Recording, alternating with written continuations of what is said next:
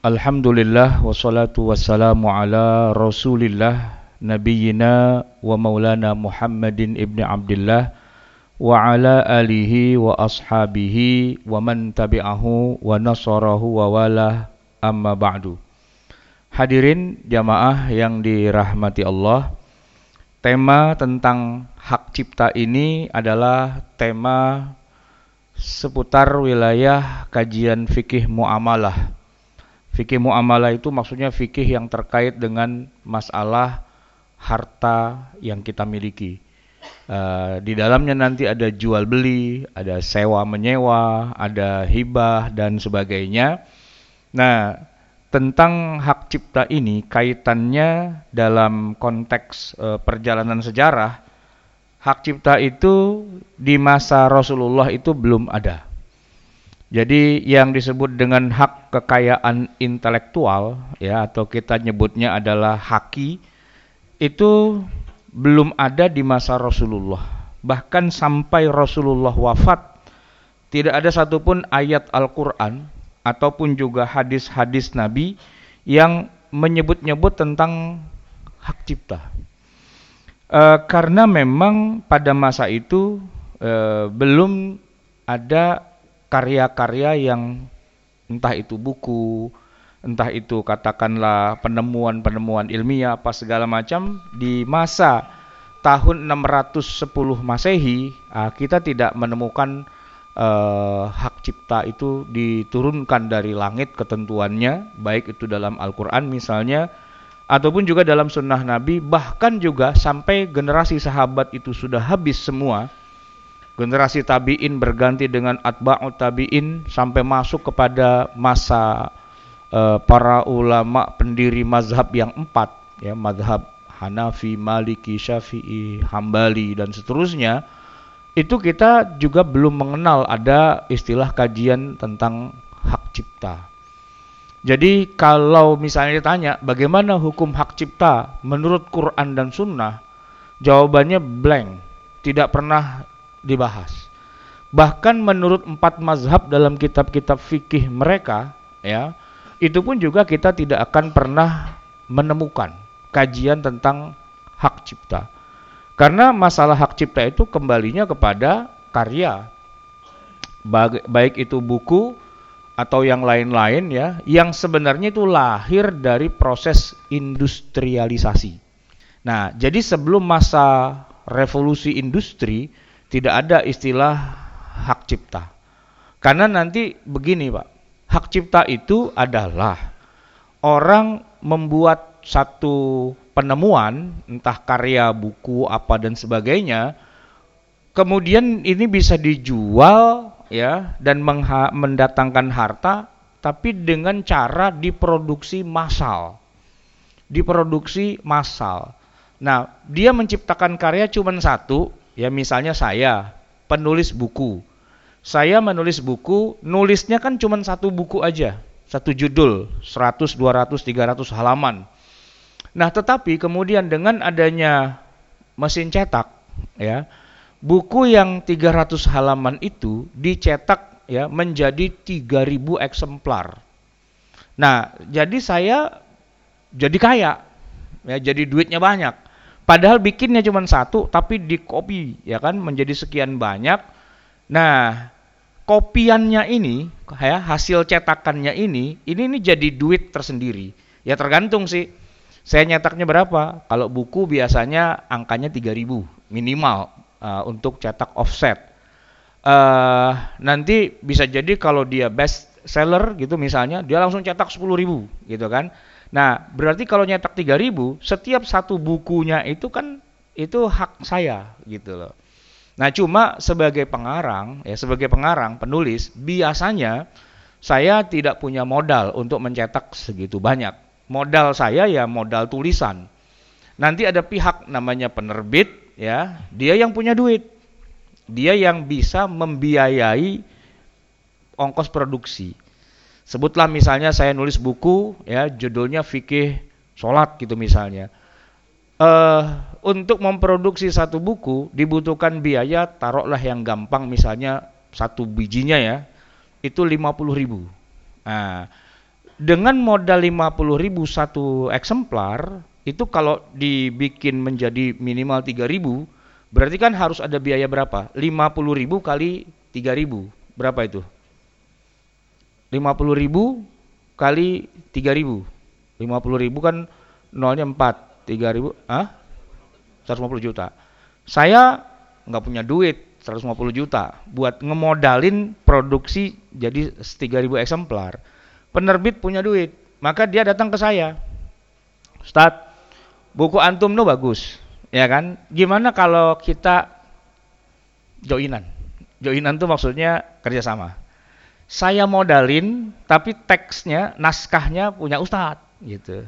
Oke, kalau gitu saya dapat berapa? Nah, kan gitu ya. Karena dia tidak akan mencetak sampai 3000 dan laku dibeli orang kalau isinya ecek-ecek nggak jelas. Nah, dia ngelihat ini naskah buku ini kalau saya produksi uh, eh, 3000 eksemplar lalu saya apa namanya saya distribusikan ke berbagai toko buku dan sebagainya ini akan menguntungkan karena walaupun modalnya cuma 50.000 dia akan jual dengan harga 200.000 ini saya ngomong angkanya bisa presisi karena pemain gitu ya jadi tahu pemain jadi Gramedia menerbitkan buku saya ada 18 jilid gitu. Nah itu kalau saya tanya ke apa percetakan berapa sih biasanya uh, buku setebel ini kalau diproduksi gitu harganya berapa sih gitu kan? Nah, dia sebutkan tadi misalnya saya kasih ilustrasinya misalnya 50 ribu maka akan dijual dengan harga empat kali lipat. Berapa? 200 nah berarti kan keuntungannya lebih besar dari modalnya. Modal 50 ribu dijual 200 ribu. Berarti kan 150 ribu per buku. Gitu kan? Nah, seandainya pihak penerbit itu kemudian mencetak buku saya dan menjualnya lalu dia ambil keuntungannya semua, saya nggak dapat apa-apa, nah maka saya jadi nangis bombay. Gua yang ngarang gua kagak dapet, enak aja lu main cetak-cetak buku gua. Nah gitu pak. Itu adanya hak cipta itu ketika sudah ditemukannya mesin cetak oleh Johannes Gutenberg gitu kan seandainya belum ada produksi massal zaman dulu Pak yang namanya kitab ditulis oleh sebutlah misalnya Imam Malik nulis kitab Al-Muwatta itu ditulisnya pakai tangan gitu kan ketika mau dipakai apa mau dibaca buku itu ya di istilahnya ada orang mau punya buku yang sama disalin itu ada orang ya yang disebut profesinya tuh warrok. Warrok tuh tukang kopi. Jadi buku Al-Muwatta itu ditulis ulang gitu ya, disalin bahasa kitanya. Ya satu buku tuh misalnya ada eh, 300 halaman gitu, ya satu-satu ditulis disalin gitu. Itu ngerjainnya mungkin seminggu, dapat satu gitu kan. Nah, warrok itu ya bisanya ya nulis ulang ya manual, semua ditulis ulang begitu. Kadang-kadang warroknya lucu juga. Apa? dia nggak paham apa yang dia baca itu. Kadang-kadang, ya kebanyakan kan tukang fotokopi juga nggak tahu kan. Pokoknya apa yang ada begitu ya begitu ditulis gitu. Jadi pernah satu kejadian, warok itu dia bingung, ini huruf apaan? Nggak paham juga dia, ini huruf apa sih gitu kan. Terus digambar persis seperti itu. Ternyata itu nyamuk kegencet pak gitu. di copy secara manual gitu kan. Ada nyamuk kegencet itu digambar juga nyamuknya. Ini huruf apa? Lihat aslinya, oh itu nyamuk ternyata. Ah gitu. Nah, ketika di copy satu persatu secara manual ditulis, nggak ada namanya hak cipta, nggak ada. Yang ada cuman gini, si warok itu, ya tukang kopi naskah itu, itu aja yang kita upain. Ya berapa? Uh, ini buku 300 halaman, lu tulis ulang ya, uh, uh, berapa? berapa duit berapa hari gitu kan nah dia ngerjain tuh mungkin seminggu dua minggu sebulan ya kalau misalnya al majmu syarah al muhadzab 27 jilid itu 19.000 halaman mungkin seumur hidup dia nyalinnya itu pak tuh ya kan ah jadi kalau di masa belum ada era industrialisasi kita nggak bicara tentang hak cipta hak cipta tuh baru ada setelah eh, revolusi industri tahun berapa di Eropa itu. Ya udah abad-abad ke 17, 18, 19 dan seterusnya sekarang gitu. Jadi sudah ada alat-alat pengganda massal. Nah, yang digandakan itu namanya disebut dengan kopi, ya, hasil kopian. Nah, haknya itu disebut dengan right. maka disebut dengan copyright. Hak untuk menggandakan. Nah, sebenarnya kalau saya lebih lebih suka menyebutnya bukan hak cipta, tapi hak untuk menggandakan. Karena dalam bahasa Inggrisnya pun disebut dengan copyright. Nanti lawannya bilang copy left gitu ya. ini urusan right dengan left ini agak unik Pak nih karena kejadian beneran nih Pak. Jadi gini, right itu artinya apa? Right. Ya, bisa artinya kanan, ya kan? Bisa artinya apa? Hak gitu kan? Hak ini my right gitu, apa namanya? hak saya. Nah, suatu hari saya lagi syuting uh, Trans 7 Hazanah. Di situ ada adegan ya, ada orang sok Islam, sok Arab. Jadi dia punya sendal itu ditulisin kanan kiri pakai bahasa Arab. Gitu. Kanan itu dalam bahasa Arab itu kan uh, yamin gitu ya. Terus kiri itu kan uh, yasar gitu kan. Cuman ternyata di sendal itu oleh kru itu ditulisnya bukan yamin. Ditulisnya hak gitu. Hak kof. Terus saya tanya sama krunya itu, itu kenapa ditulis kata hak gitu. Ya saya cari di kamus Ustadz. Kanan itu right kan gitu. Right itu hak gitu. Jadi ditulis hak gitu. Saya bilang, eh kanan itu bahasa Arab bukan hak. Hak itu artinya kebenaran atau hak kita. Ah, dan bahasa Inggrisnya right gitu kan. Jadi dia salah salah terjemah translate dua kali dari dari Indonesia ke Inggris ke Arab. Jadi sendal ini sebelah hak. Nah, saya bilang yang kiri itu kewajiban berarti, ya kan? Hak kewajiban. Nah, hari kan right left gitu kan. Nah, right itu punya dua makna dalam bahasa Inggris, kanan dan hak. Nah, gitu. Copyright bukan kopi sebelah kanan. Jadi lawannya juga bukan kopi left, bukan. Tapi ya lawannya ya berarti uh, kalau ini hak ya right, maka di sana nanti ada semacam kewajiban. Nah, balik lagi ke cerita awalnya. Jadi kalau di masa lalu sebelum ada era industri, ya kan, para ulama itu nulis kitab berjilid-jilid dan sebagainya, nggak ada yang ribut-ribut dengan copyright. Nggak ada yang ribut-ribut dengan hak cipta gua mana, hak gua sebagai penulis, pengarang dan sebagainya itu nggak ada yang ributin itu. Kenapa? Karena juga nggak ada yang diperkaya gara-gara itu. Tidak menjadi kekayaan gitu loh. Orang nulis kitab di zaman dulu tuh nggak nggak jadi kaya. Jadi terkenal iya. Jadi masyhur iya. Jadi ulama besar iya. Tapi kalau jadi kaya enggak. Karena nggak bisa digandakan secara massal. Nah, begitu ada mesin cetak, ah, lalu buku yang ditulis bertahun-tahun itu, ya kan, nulis satunya itu bertahun-tahun, tiba-tiba digandakan dalam waktu singkat dan laku dijual kopinya itu laku dijual ke mana-mana, baru muncul, ah itu berarti bisa jadi sumber keuangan juga. Nah, tapi itu baru muncul di zaman modern, gitu ya. Ini saya ngasih gambar contohnya adalah buku, karena saya nggak bilang lagu atau film, ntar nanti ribut lagi masalah. Emang film halal, emang lagu halal. Nah kalau buku udah sepakat lah halal gitu kan. Asalkan buku-buku yang positif gitu, bukan buku porno, bukan stensilan gitu ya. Buku beneran gitu ya. Nah, jadi kalau di zaman sekarang akhirnya para ulama nih ya, penulis buku gitu ya, seperti Kordowi, seperti Wahbah Zuhaili, itu kan rata-rata best seller atau apa itu yang jangan bersedih tuh Lata Hazan siapa yang nulis tuh? Uh, uh, ah, Ait Al-Qarni dan sebagainya.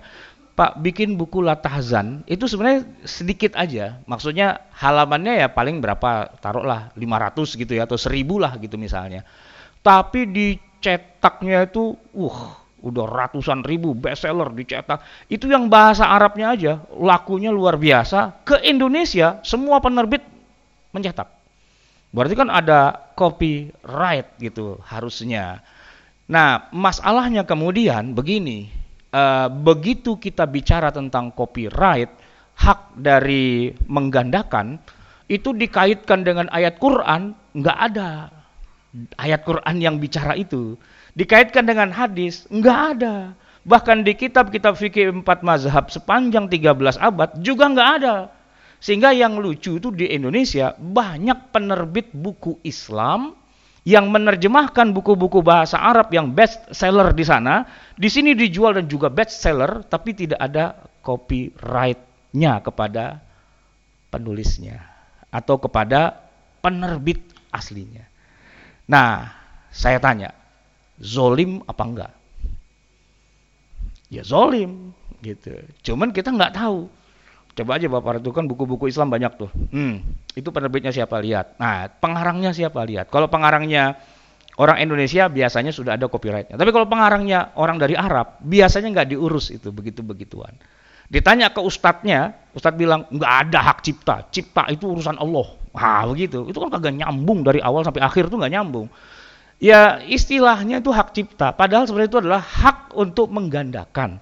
Anda menggandakan karya seseorang, ya kan? Nah, kalau zaman dulu itu tidak jadi duit, tapi kalau jadi zaman sekarang itu jadi duit. Anda menggandakan tanpa minta izin dari dia. Ah, maka ketika Anda menggandakan, Anda kaya sendirian, tapi yang ngarang, ah itu malah nggak dapat apa-apa. Nah itu kezaliman sebenarnya. Kezaliman. Contoh gini deh Pak, yang paling sederhana ya. Misalnya nih, misal doang Pak, jangan dimasukin hati. Misalnya saya orang ganteng gitu Pak. Saya ganteng gitu ya. Terus Bapak motret saya gitu, ya kan? Ya aslinya ganteng, potretnya pasti ganteng lah, ya kan? Dicetak, dijual di mana-mana gitu. Bapak dapat duit banyak dari hasil jualin foto saya. Misalnya saya ganteng, cuman misal doang pak ya, jangan masukin hati gitu ya. Terus saya nggak dikasih apa-apa dari foto yang bapak jual ke mana-mana, sakit hati nggak pak? Foto-foto gua kenapa lo yang jual lo yang dapat duit banyak, gua kagak dibagi, itu itu kezaliman. Nah, mestinya kalau mau jual jangan foto saya, ya foto anda sendiri yang terjual. Masalahnya ada yang mau beli apa enggak? Kan gitu ya. Nah, kira-kira seperti itu. Jadi kalau ada seorang fotografer ingin memproduksi, katakanlah yang paling gampang kalau di Indonesia itu zaman-zaman dulu kalender. Kalender dinding kan fotonya artis. Ketemu artis di jalanan dipotret, cekrek gitu kan. Terus di digandakan segitu banyak tapi enggak ngasih apa eh, hak hak penggandaan kepada artisnya dituntut pak gitu nah jadi akhirnya ulama kontemporer kemudian sepakat bahwa kalau ada orang punya sesuatu yang berharga entah foto dirinya, entah karya tulisnya, entah lagu, film dan seterusnya seterusnya, ketika ini digandakan oleh pihak lain, nah pihak lain tuh harus nge-share keuntungannya gitu. Dan kemudian tuh dilindungi menjadi suatu undang-undang. Namanya ya itu tadi hak kekayaan intelektual. Istilahnya kalau di kita begitu, haki, ya kan? Atau kalau populer di masyarakat namanya ya tadi apa namanya hak cipta. Nah, istilahnya aja yang kesannya kesan-kesannya adalah hak cipta. Kan yang menciptakan adalah Allah gitu. Musrik dong berarti ente. Nah, ya bukan musriknya, tapi yang tepatnya itu kalau menurut saya adalah ya itu uh, hukukut taba' wan nashr. Nah, itu dalam bahasa Arab pas itu. Hukuk itu hak at-taba untuk mencetak atau menggandakan. Wan nashr men, apa namanya mendistribusikan. Nah, nah itu kalau kita e, buka kitab bahasa Arab itu pasti ada. Ya kalau bahasa Arab itu hukukut taba wan nashr lada syarikat apa. Jadi hak untuk menggandakan dan hak untuk menjual atau me, apa namanya itu mendistribusikan itu sudah ada pada pihak perusahaan penerbitan. Nah, perusahaan penerbitan itu yang berhak untuk menggandakan. Nah, di awal dia bertemu dulu dengan si pengarang, penulis gitu. Misalnya yang contoh yang gampang ya. Penerbit Gramedia datang ke saya. Ustaz, 18 jilid itu kalau kami terbitin gimana? Boleh, saya bilang, silakan aja. Berapa? Ya, wani piro sampean. Nah, kan gitu kan. Nah, saya sudah nulis, saya punya filenya, soft copy-nya. Nah, mereka baca-baca lalu itu mereka kemudian ngasih penawaran. Gimana kalau selama dalam rang, dalam waktu misalnya nih ya, dalam waktu tiga tahun ini kamilah yang berhak untuk menggandakan dan tidak boleh ada yang boleh menggandakan kecuali kami. Oke, saya bilang. Terus saya dikasih berapa? Begini Ustadz. Per satu buku yang kami jual, berapapun harganya itu, Ustadz dapat 10%. Jadi kalau buku itu dijual dengan harga misalnya tadi 200 ribu per buku, maka saya dapat berapa? 20 ribu. Nah, berapapun buku yang kami cetak, gitu kan, uh, itu akan kami laporkan jumlahnya dan uh, sebagai pengarang Ustaz dapat 10 persennya. Jadi anggap nih ya, satu buku 200 ribu, terus dia nyetak 3 ribu, tadi kan 150 juta. Nah, saya dapat hak berapa dari 150 juta? 10%, berarti 15 juta. Jadi saya nulisnya satu aja, tapi saya dapat 15 juta, gitu kan? Nah itu satu buku. Kalau kali 18 kan udah kaya gitu kan saya tuh. Daripada kemudian dia main copy paste aja tulisan saya, lalu dia jual dan saya goodbye, wassalam. Nah, itu yang menariknya adalah semua itu kemudian akhirnya itu adalah diakui dalam syariat Islam yang kontemporer bahwa itu memang haknya si pengarang harus diperhatikan. Kemudian nanti kalau produksinya diperluas, misalnya ada cetak ulang, nah itu tetap diperhitungkan lagi. Bahkan buku saya itu kemudian Gramedia punya cabang di Malaysia.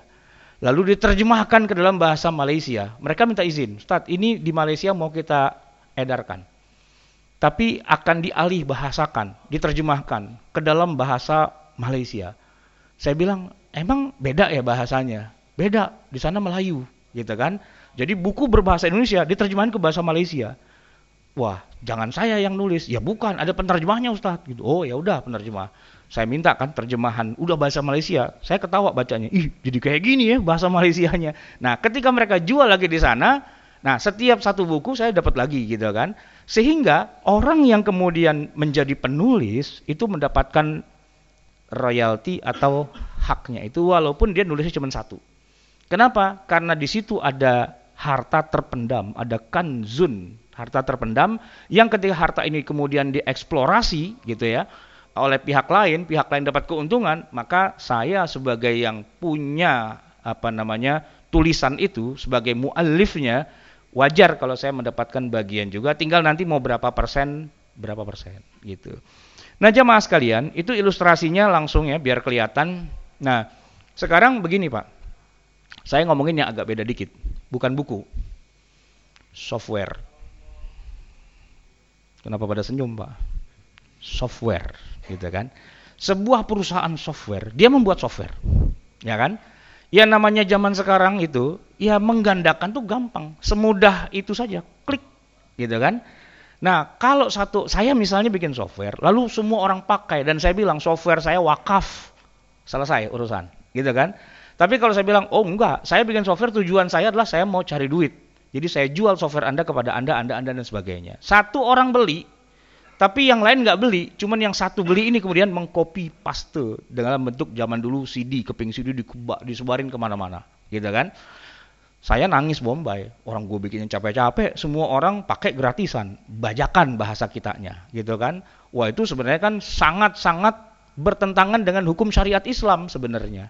Nah oleh karena itu kemudian saya bikin protek, proteksi, sistem protek. Anda bisa menggandakan software saya, installernya, tapi Anda nggak bisa nginstal atau kalaupun diinstal nggak jalan semua. Saya bikin sistem proteksinya. Pakai password, pakai apa dan sebagainya. Tapi karena yang make itu lebih pintar dari saya, dia bisa ah, apa namanya itu? ngecrack gitu. Bisa di-crack gitu kan.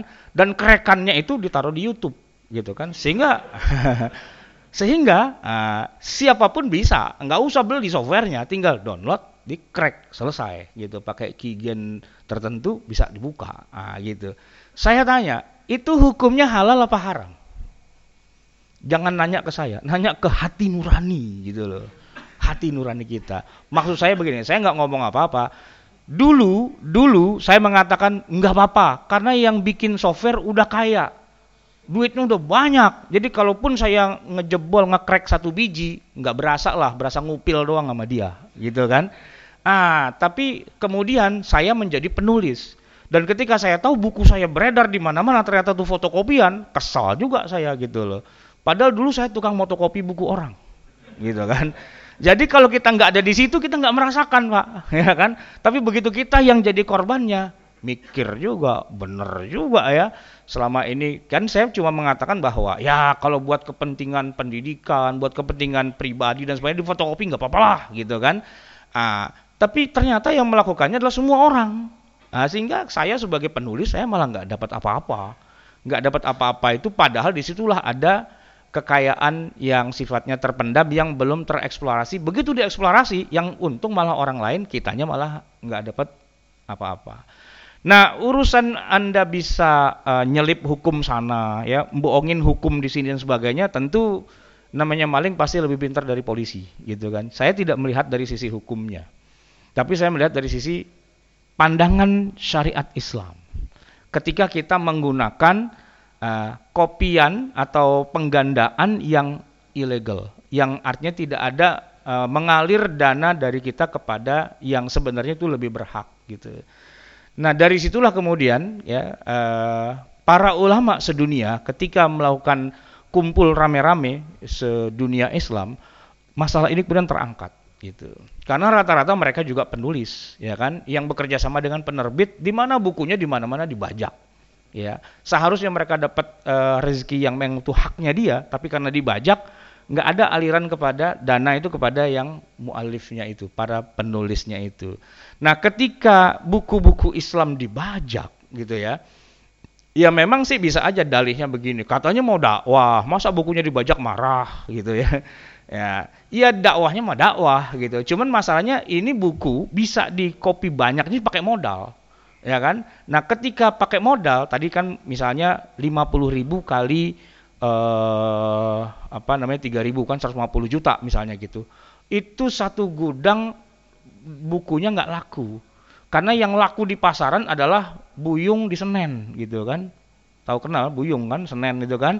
Uh, biang bajakannya di situ kan. Nah, itu sama dia digandakan segitu banyak.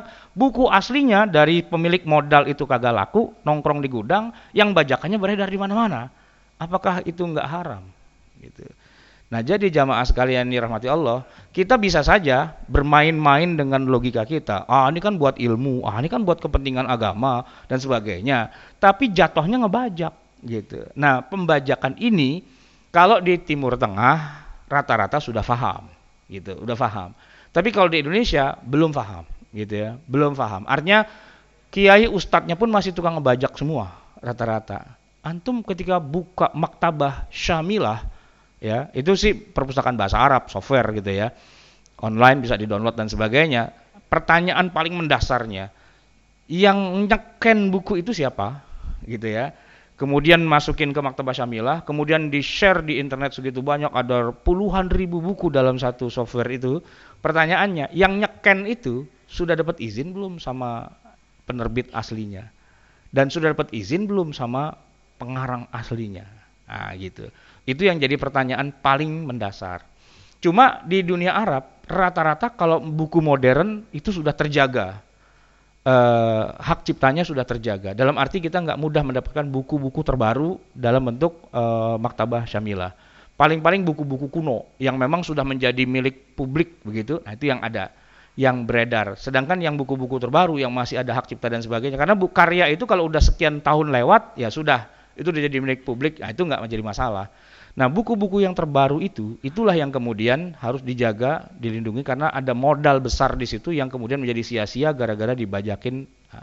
Nah, balik ke software. Nah, software ini begini, Pak. Uh, sebenarnya ya ada juga sih sisi yang lain di mana kita kadang-kadang merasa jadi berhak untuk pakai bajakan atau kerekan gitu ya konon kabarnya yang punya software itu sengaja nyebarin. Yang bikin kerekannya malah yang bikin software gitu loh. Maksudnya apa? Biar laris gitu, biar laku ya kan. Semua orang pakai dan ketika sudah jatuh cinta baru muncul masalah di situ. Sehingga mau nggak mau harus nginstal yang ori gitu. Itu yang terjadi pada saya. Jadi ketika saya pakai Windows dari dulu belum pernah yang ori gitu kan. Apalagi pakai Office gitu ya, nggak pernah yang ori, semua kerekan ustadz tapi ngekrek gitu loh, ya kan? Ustadz tapi ngekrek gitu. tapi begitu kita perdalam lagi masalah ini, ternyata memang uh, maslahat dan manfaatnya itu nggak seimbang. Maslahatnya ada, tapi madorotnya itu malah lebih besar. Sebutlah misalnya zaman dulu masih rame virus apa malware dan sebagainya, kalau kita pakai kerekan, nah itu udah udah jadi masalah besar ya. Kalau mau aman yang selalu ada updatean yang terbaru dan itu apa namanya legal kita beli yang ori nggak seberapa harganya tapi kemudian jauh lebih aman lebih lancar dan lebih uh, stabil gitu ya. Maka akhirnya saya belilah Windows 10 ini ori. Lumayan sih 3 jutaan gitu ya. Tapi dibandingkan rasa was-was saya setiap hari gue tiap hari nulis tapi pakai bajakan sambil ngomong haram haram haram. Ternyata pakai produk haram juga. Nah, itu kan jadi kayak munafik banget gitu dalam hati kan? Ustadz ya beda. Kalau bukan ustadz mah mungkin menganggap itu halal-halal saja gitu kan? Begitu masuk office ternyata office gitu juga pak. Ah, mau nggak mau beli juga. Cuman yang saya masih belum bisa itu adalah Adobe Photoshop. Mahal banget gitu. Kalau mau dibayar itunya mahal banget. Jadi masih rada bajakan juga sih uh, Photoshopnya. Gitu kan nah di Indonesia begitu-begitu masih belum menjadi kesadaran. Jangankan ustadz ulamanya tapi masyarakatnya pun juga belum sadar. Beda kalau udah kayak di Eropa di Amerika dan sebagainya uh, penghargaan terhadap uh, karya orang lain itu tinggi gitu loh. Nah, penghargaan terhadap karya orang tinggi sehingga orang ya kalau mau pakai ya dia memang rela ya gue bayar deh royaltinya sekian bayar aja. Kenapa ya kan? Toh berbagi rezeki juga pada dasarnya begitu. Nah ini kajian seperti ini pak adalah fikih kontemporer. Antum kalau nanya ustadz-ustadz yang biasa-biasa saja, pasti bilang nggak apa-apa, bajak aja, nggak apa-apa, hajar aja gitu. Toh yang punya Yahudi ini kesannya kalau yang punya Yahudi itu jadi boleh dirampok gitu loh Pak tuh. Ya kan? Yang punya tuh orang kafir boleh dirampok gitu. Nah itu nggak benar juga saya. Karena apa? Karena nggak mentang-mentang dia musuh agama Islam nggak mentang-mentang beda akidah. Lantas halal darahnya halal hartanya halal semuanya nggak juga Muslim yang baik itu tidak seperti itu cara berpikirnya. Ya tetap dia orang kafir. Iya sih kafir. Yahudi, Yahudi, tengik, tengik emang gitu. Tapi bukan berarti kemudian hartanya boleh kita rampas semau kita. Nah, dalam syariat Islam, khususnya dalam masalah fikih kontemporer, copyright itu itu dianggap sebagai mal, sebagai harta yang melekat pada pemiliknya yang tidak boleh kita terobos, kita crack, kita rampas begitu saja uh, dan itu melahirkan dosa, sesuatu yang hukumnya haram juga. Tapi jamaah sekalian, tenang aja, kalau Windows antum masih bajakan, santai dulu aja ya saya nggak mengatakan masuk neraka loh, enggak gitu. Cuman nantinya masuk neraka juga gitu loh. Maksudnya begini, setiap orang tuh butuh waktu, Pak. Butuh waktu untuk menerima kenyataan, oh ternyata ini haram ya. Itu butuh waktu, Pak. Ya kan? Sampai kemudian dia menjauhkan diri dari yang haram itu juga butuh waktu. Nih saya masih ingat, Pak. Tahun 80-an, saya masih SMA, itu ngomong bahwa wanita itu wajib menutup aurat pakai jilbab, itu susah setengah mati. Nggak ada yang terima konsep harus pakai jilbab. Kenapa? Rata-rata perempuan di Indonesia nggak ada yang pakai jilbab. Jangankan artisnya, ustazahnya pun juga nggak pakai jilbab. Gitu loh. 30 tahun yang lalu. Ngomongnya pelan-pelan, pelan tapi pasti, pelan tapi pasti. Setelah 30 tahun kemudian, semua sudah konsep jilbab sudah terima. Jangan yang ustazah, yang artis pun pakai jilbab. Sekarang tapi, itu kan butuh waktu Pak, 30 tahun ya kan? Nah, untuk sadar bahwa yang kita pakai itu bajakan, itu butuh 30 tahun lagi Pak ke depan. Ini tahun 2019, ya kan? Tambah 30, 2049. Wuh, bajakan, haram. Baru bisa ngomong begitu Pak, 30 tahun lagi. Sekarang mah, ah Ustadz ngomong aja, paling begitu. Ya kan, karena belum bisa menerima. Karena selama ini dicekokinnya adalah, ya itu mah nggak apa-apa, itu halal, itu boleh dan sebagainya. Karena belum ada kesadaran bahwa copyright itu sebenarnya adalah harta yang wajib untuk kita hormati melekat pada milik kepemilikan seseorang yang tidak boleh kita serobot begitu saja. Tapi menyadarkannya itu panjang. Jadi kalau antum sekarang saya ngomong terus sadar, hebat berarti mendahului zamannya 30 tahun, Pak. Gitu. Mendahului zamannya. Ya, saya sendiri juga belum bisa semua. Beberapa buku masih saya fotokopi juga. Tapi alasan saya kuat. Kenapa? Bukunya mau saya beli, tapi nggak ada yang jual di sini Al-Mausu'ah Al-Fiqhiyah Al-Kuwaitiyah itu 45 jilid ensiklopedi fikih yang dibikin oleh pemerintah Kuwait. Cakep itu, Pak. Tapi bahasa Arab ya, 45 jilid itu. Saya mau beli di semua toko buku, kitab di Indonesia, nggak ada. Gitu. Masa saya harus ke Mesir dulu beli segitu banyak? Ya kalau sempat saya beli, tapi kalau enggak, ya udah mau nggak mau. File PDF-nya beredar di internet 45 jilid pak file internet bisa langsung di download apalagi pakai apa tuh yang downloader itu ya cepat nah gitu kan. Itu pak di print harganya di print pakai uh, harganya cuma separuh harga dari aslinya. Kalau aslinya bisa sampai 9 juta ngeprintnya cuma 2-3 juta dapat gitu. 45 jilid. Ada di rumah saya. Ini bajakan juga nih sebenarnya gitu kan. Tapi saya nggak punya nggak bisa beli yang aslinya nggak tersedia gitu loh. Dan tempat ngeprintnya itu bilang pak kalau buku asing di sini nggak dijual kami berani pak ngeprint tapi kalau buku bahasa Indonesia ini namanya ngebajak gitu nah ya yang buku asing mengebajak juga gitu kan cuman dosanya rada kurangan dikit lah gitu karena nggak tersedia gitu loh nah masalahnya begini pak di toko di toko kitab nih, toko kitab ini yang asli, ini yang bajakan. Yang asli 9 juta, yang bajakan 3 juta. Bapak mau beli yang mana? beli yang 3 juta. Nah, itu ketahuan haramnya. Orang ada yang halal kok. Walaupun mahalan, beli yang halal. Kan gitu harusnya kan. Nah, sekarang masalahnya ini nggak ada yang yang asli, yang ori, yang bisa dibeli itu nggak ada. Nah, adanya cuman yang seperti ya untuk sementara bolehlah.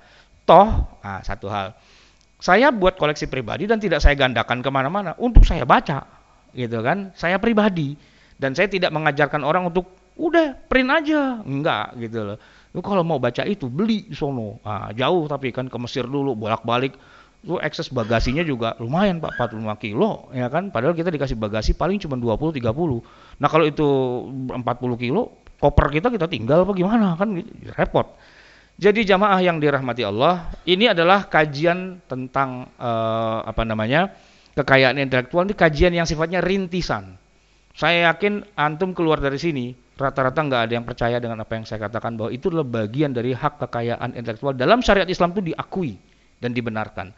Walaupun yang punya bukan orang Islam, tapi itu adalah sesuatu yang harus dihormati dan dijaga. Ya kalau ada yang sadar gitu ya, silahkan silahkan saja. Tapi kalau nggak sadar-sadar juga, ya nggak apa-apa juga sih. Karena ini kajian yang masih baru.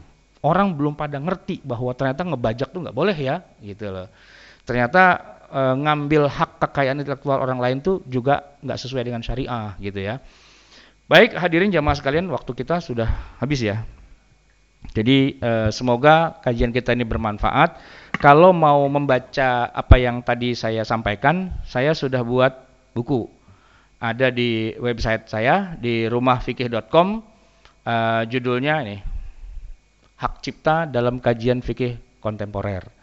rumahfikih.com. Bapak bisa buka dan bisa download file PDF-nya dan dari awal kita ikrarkan ini wakaf.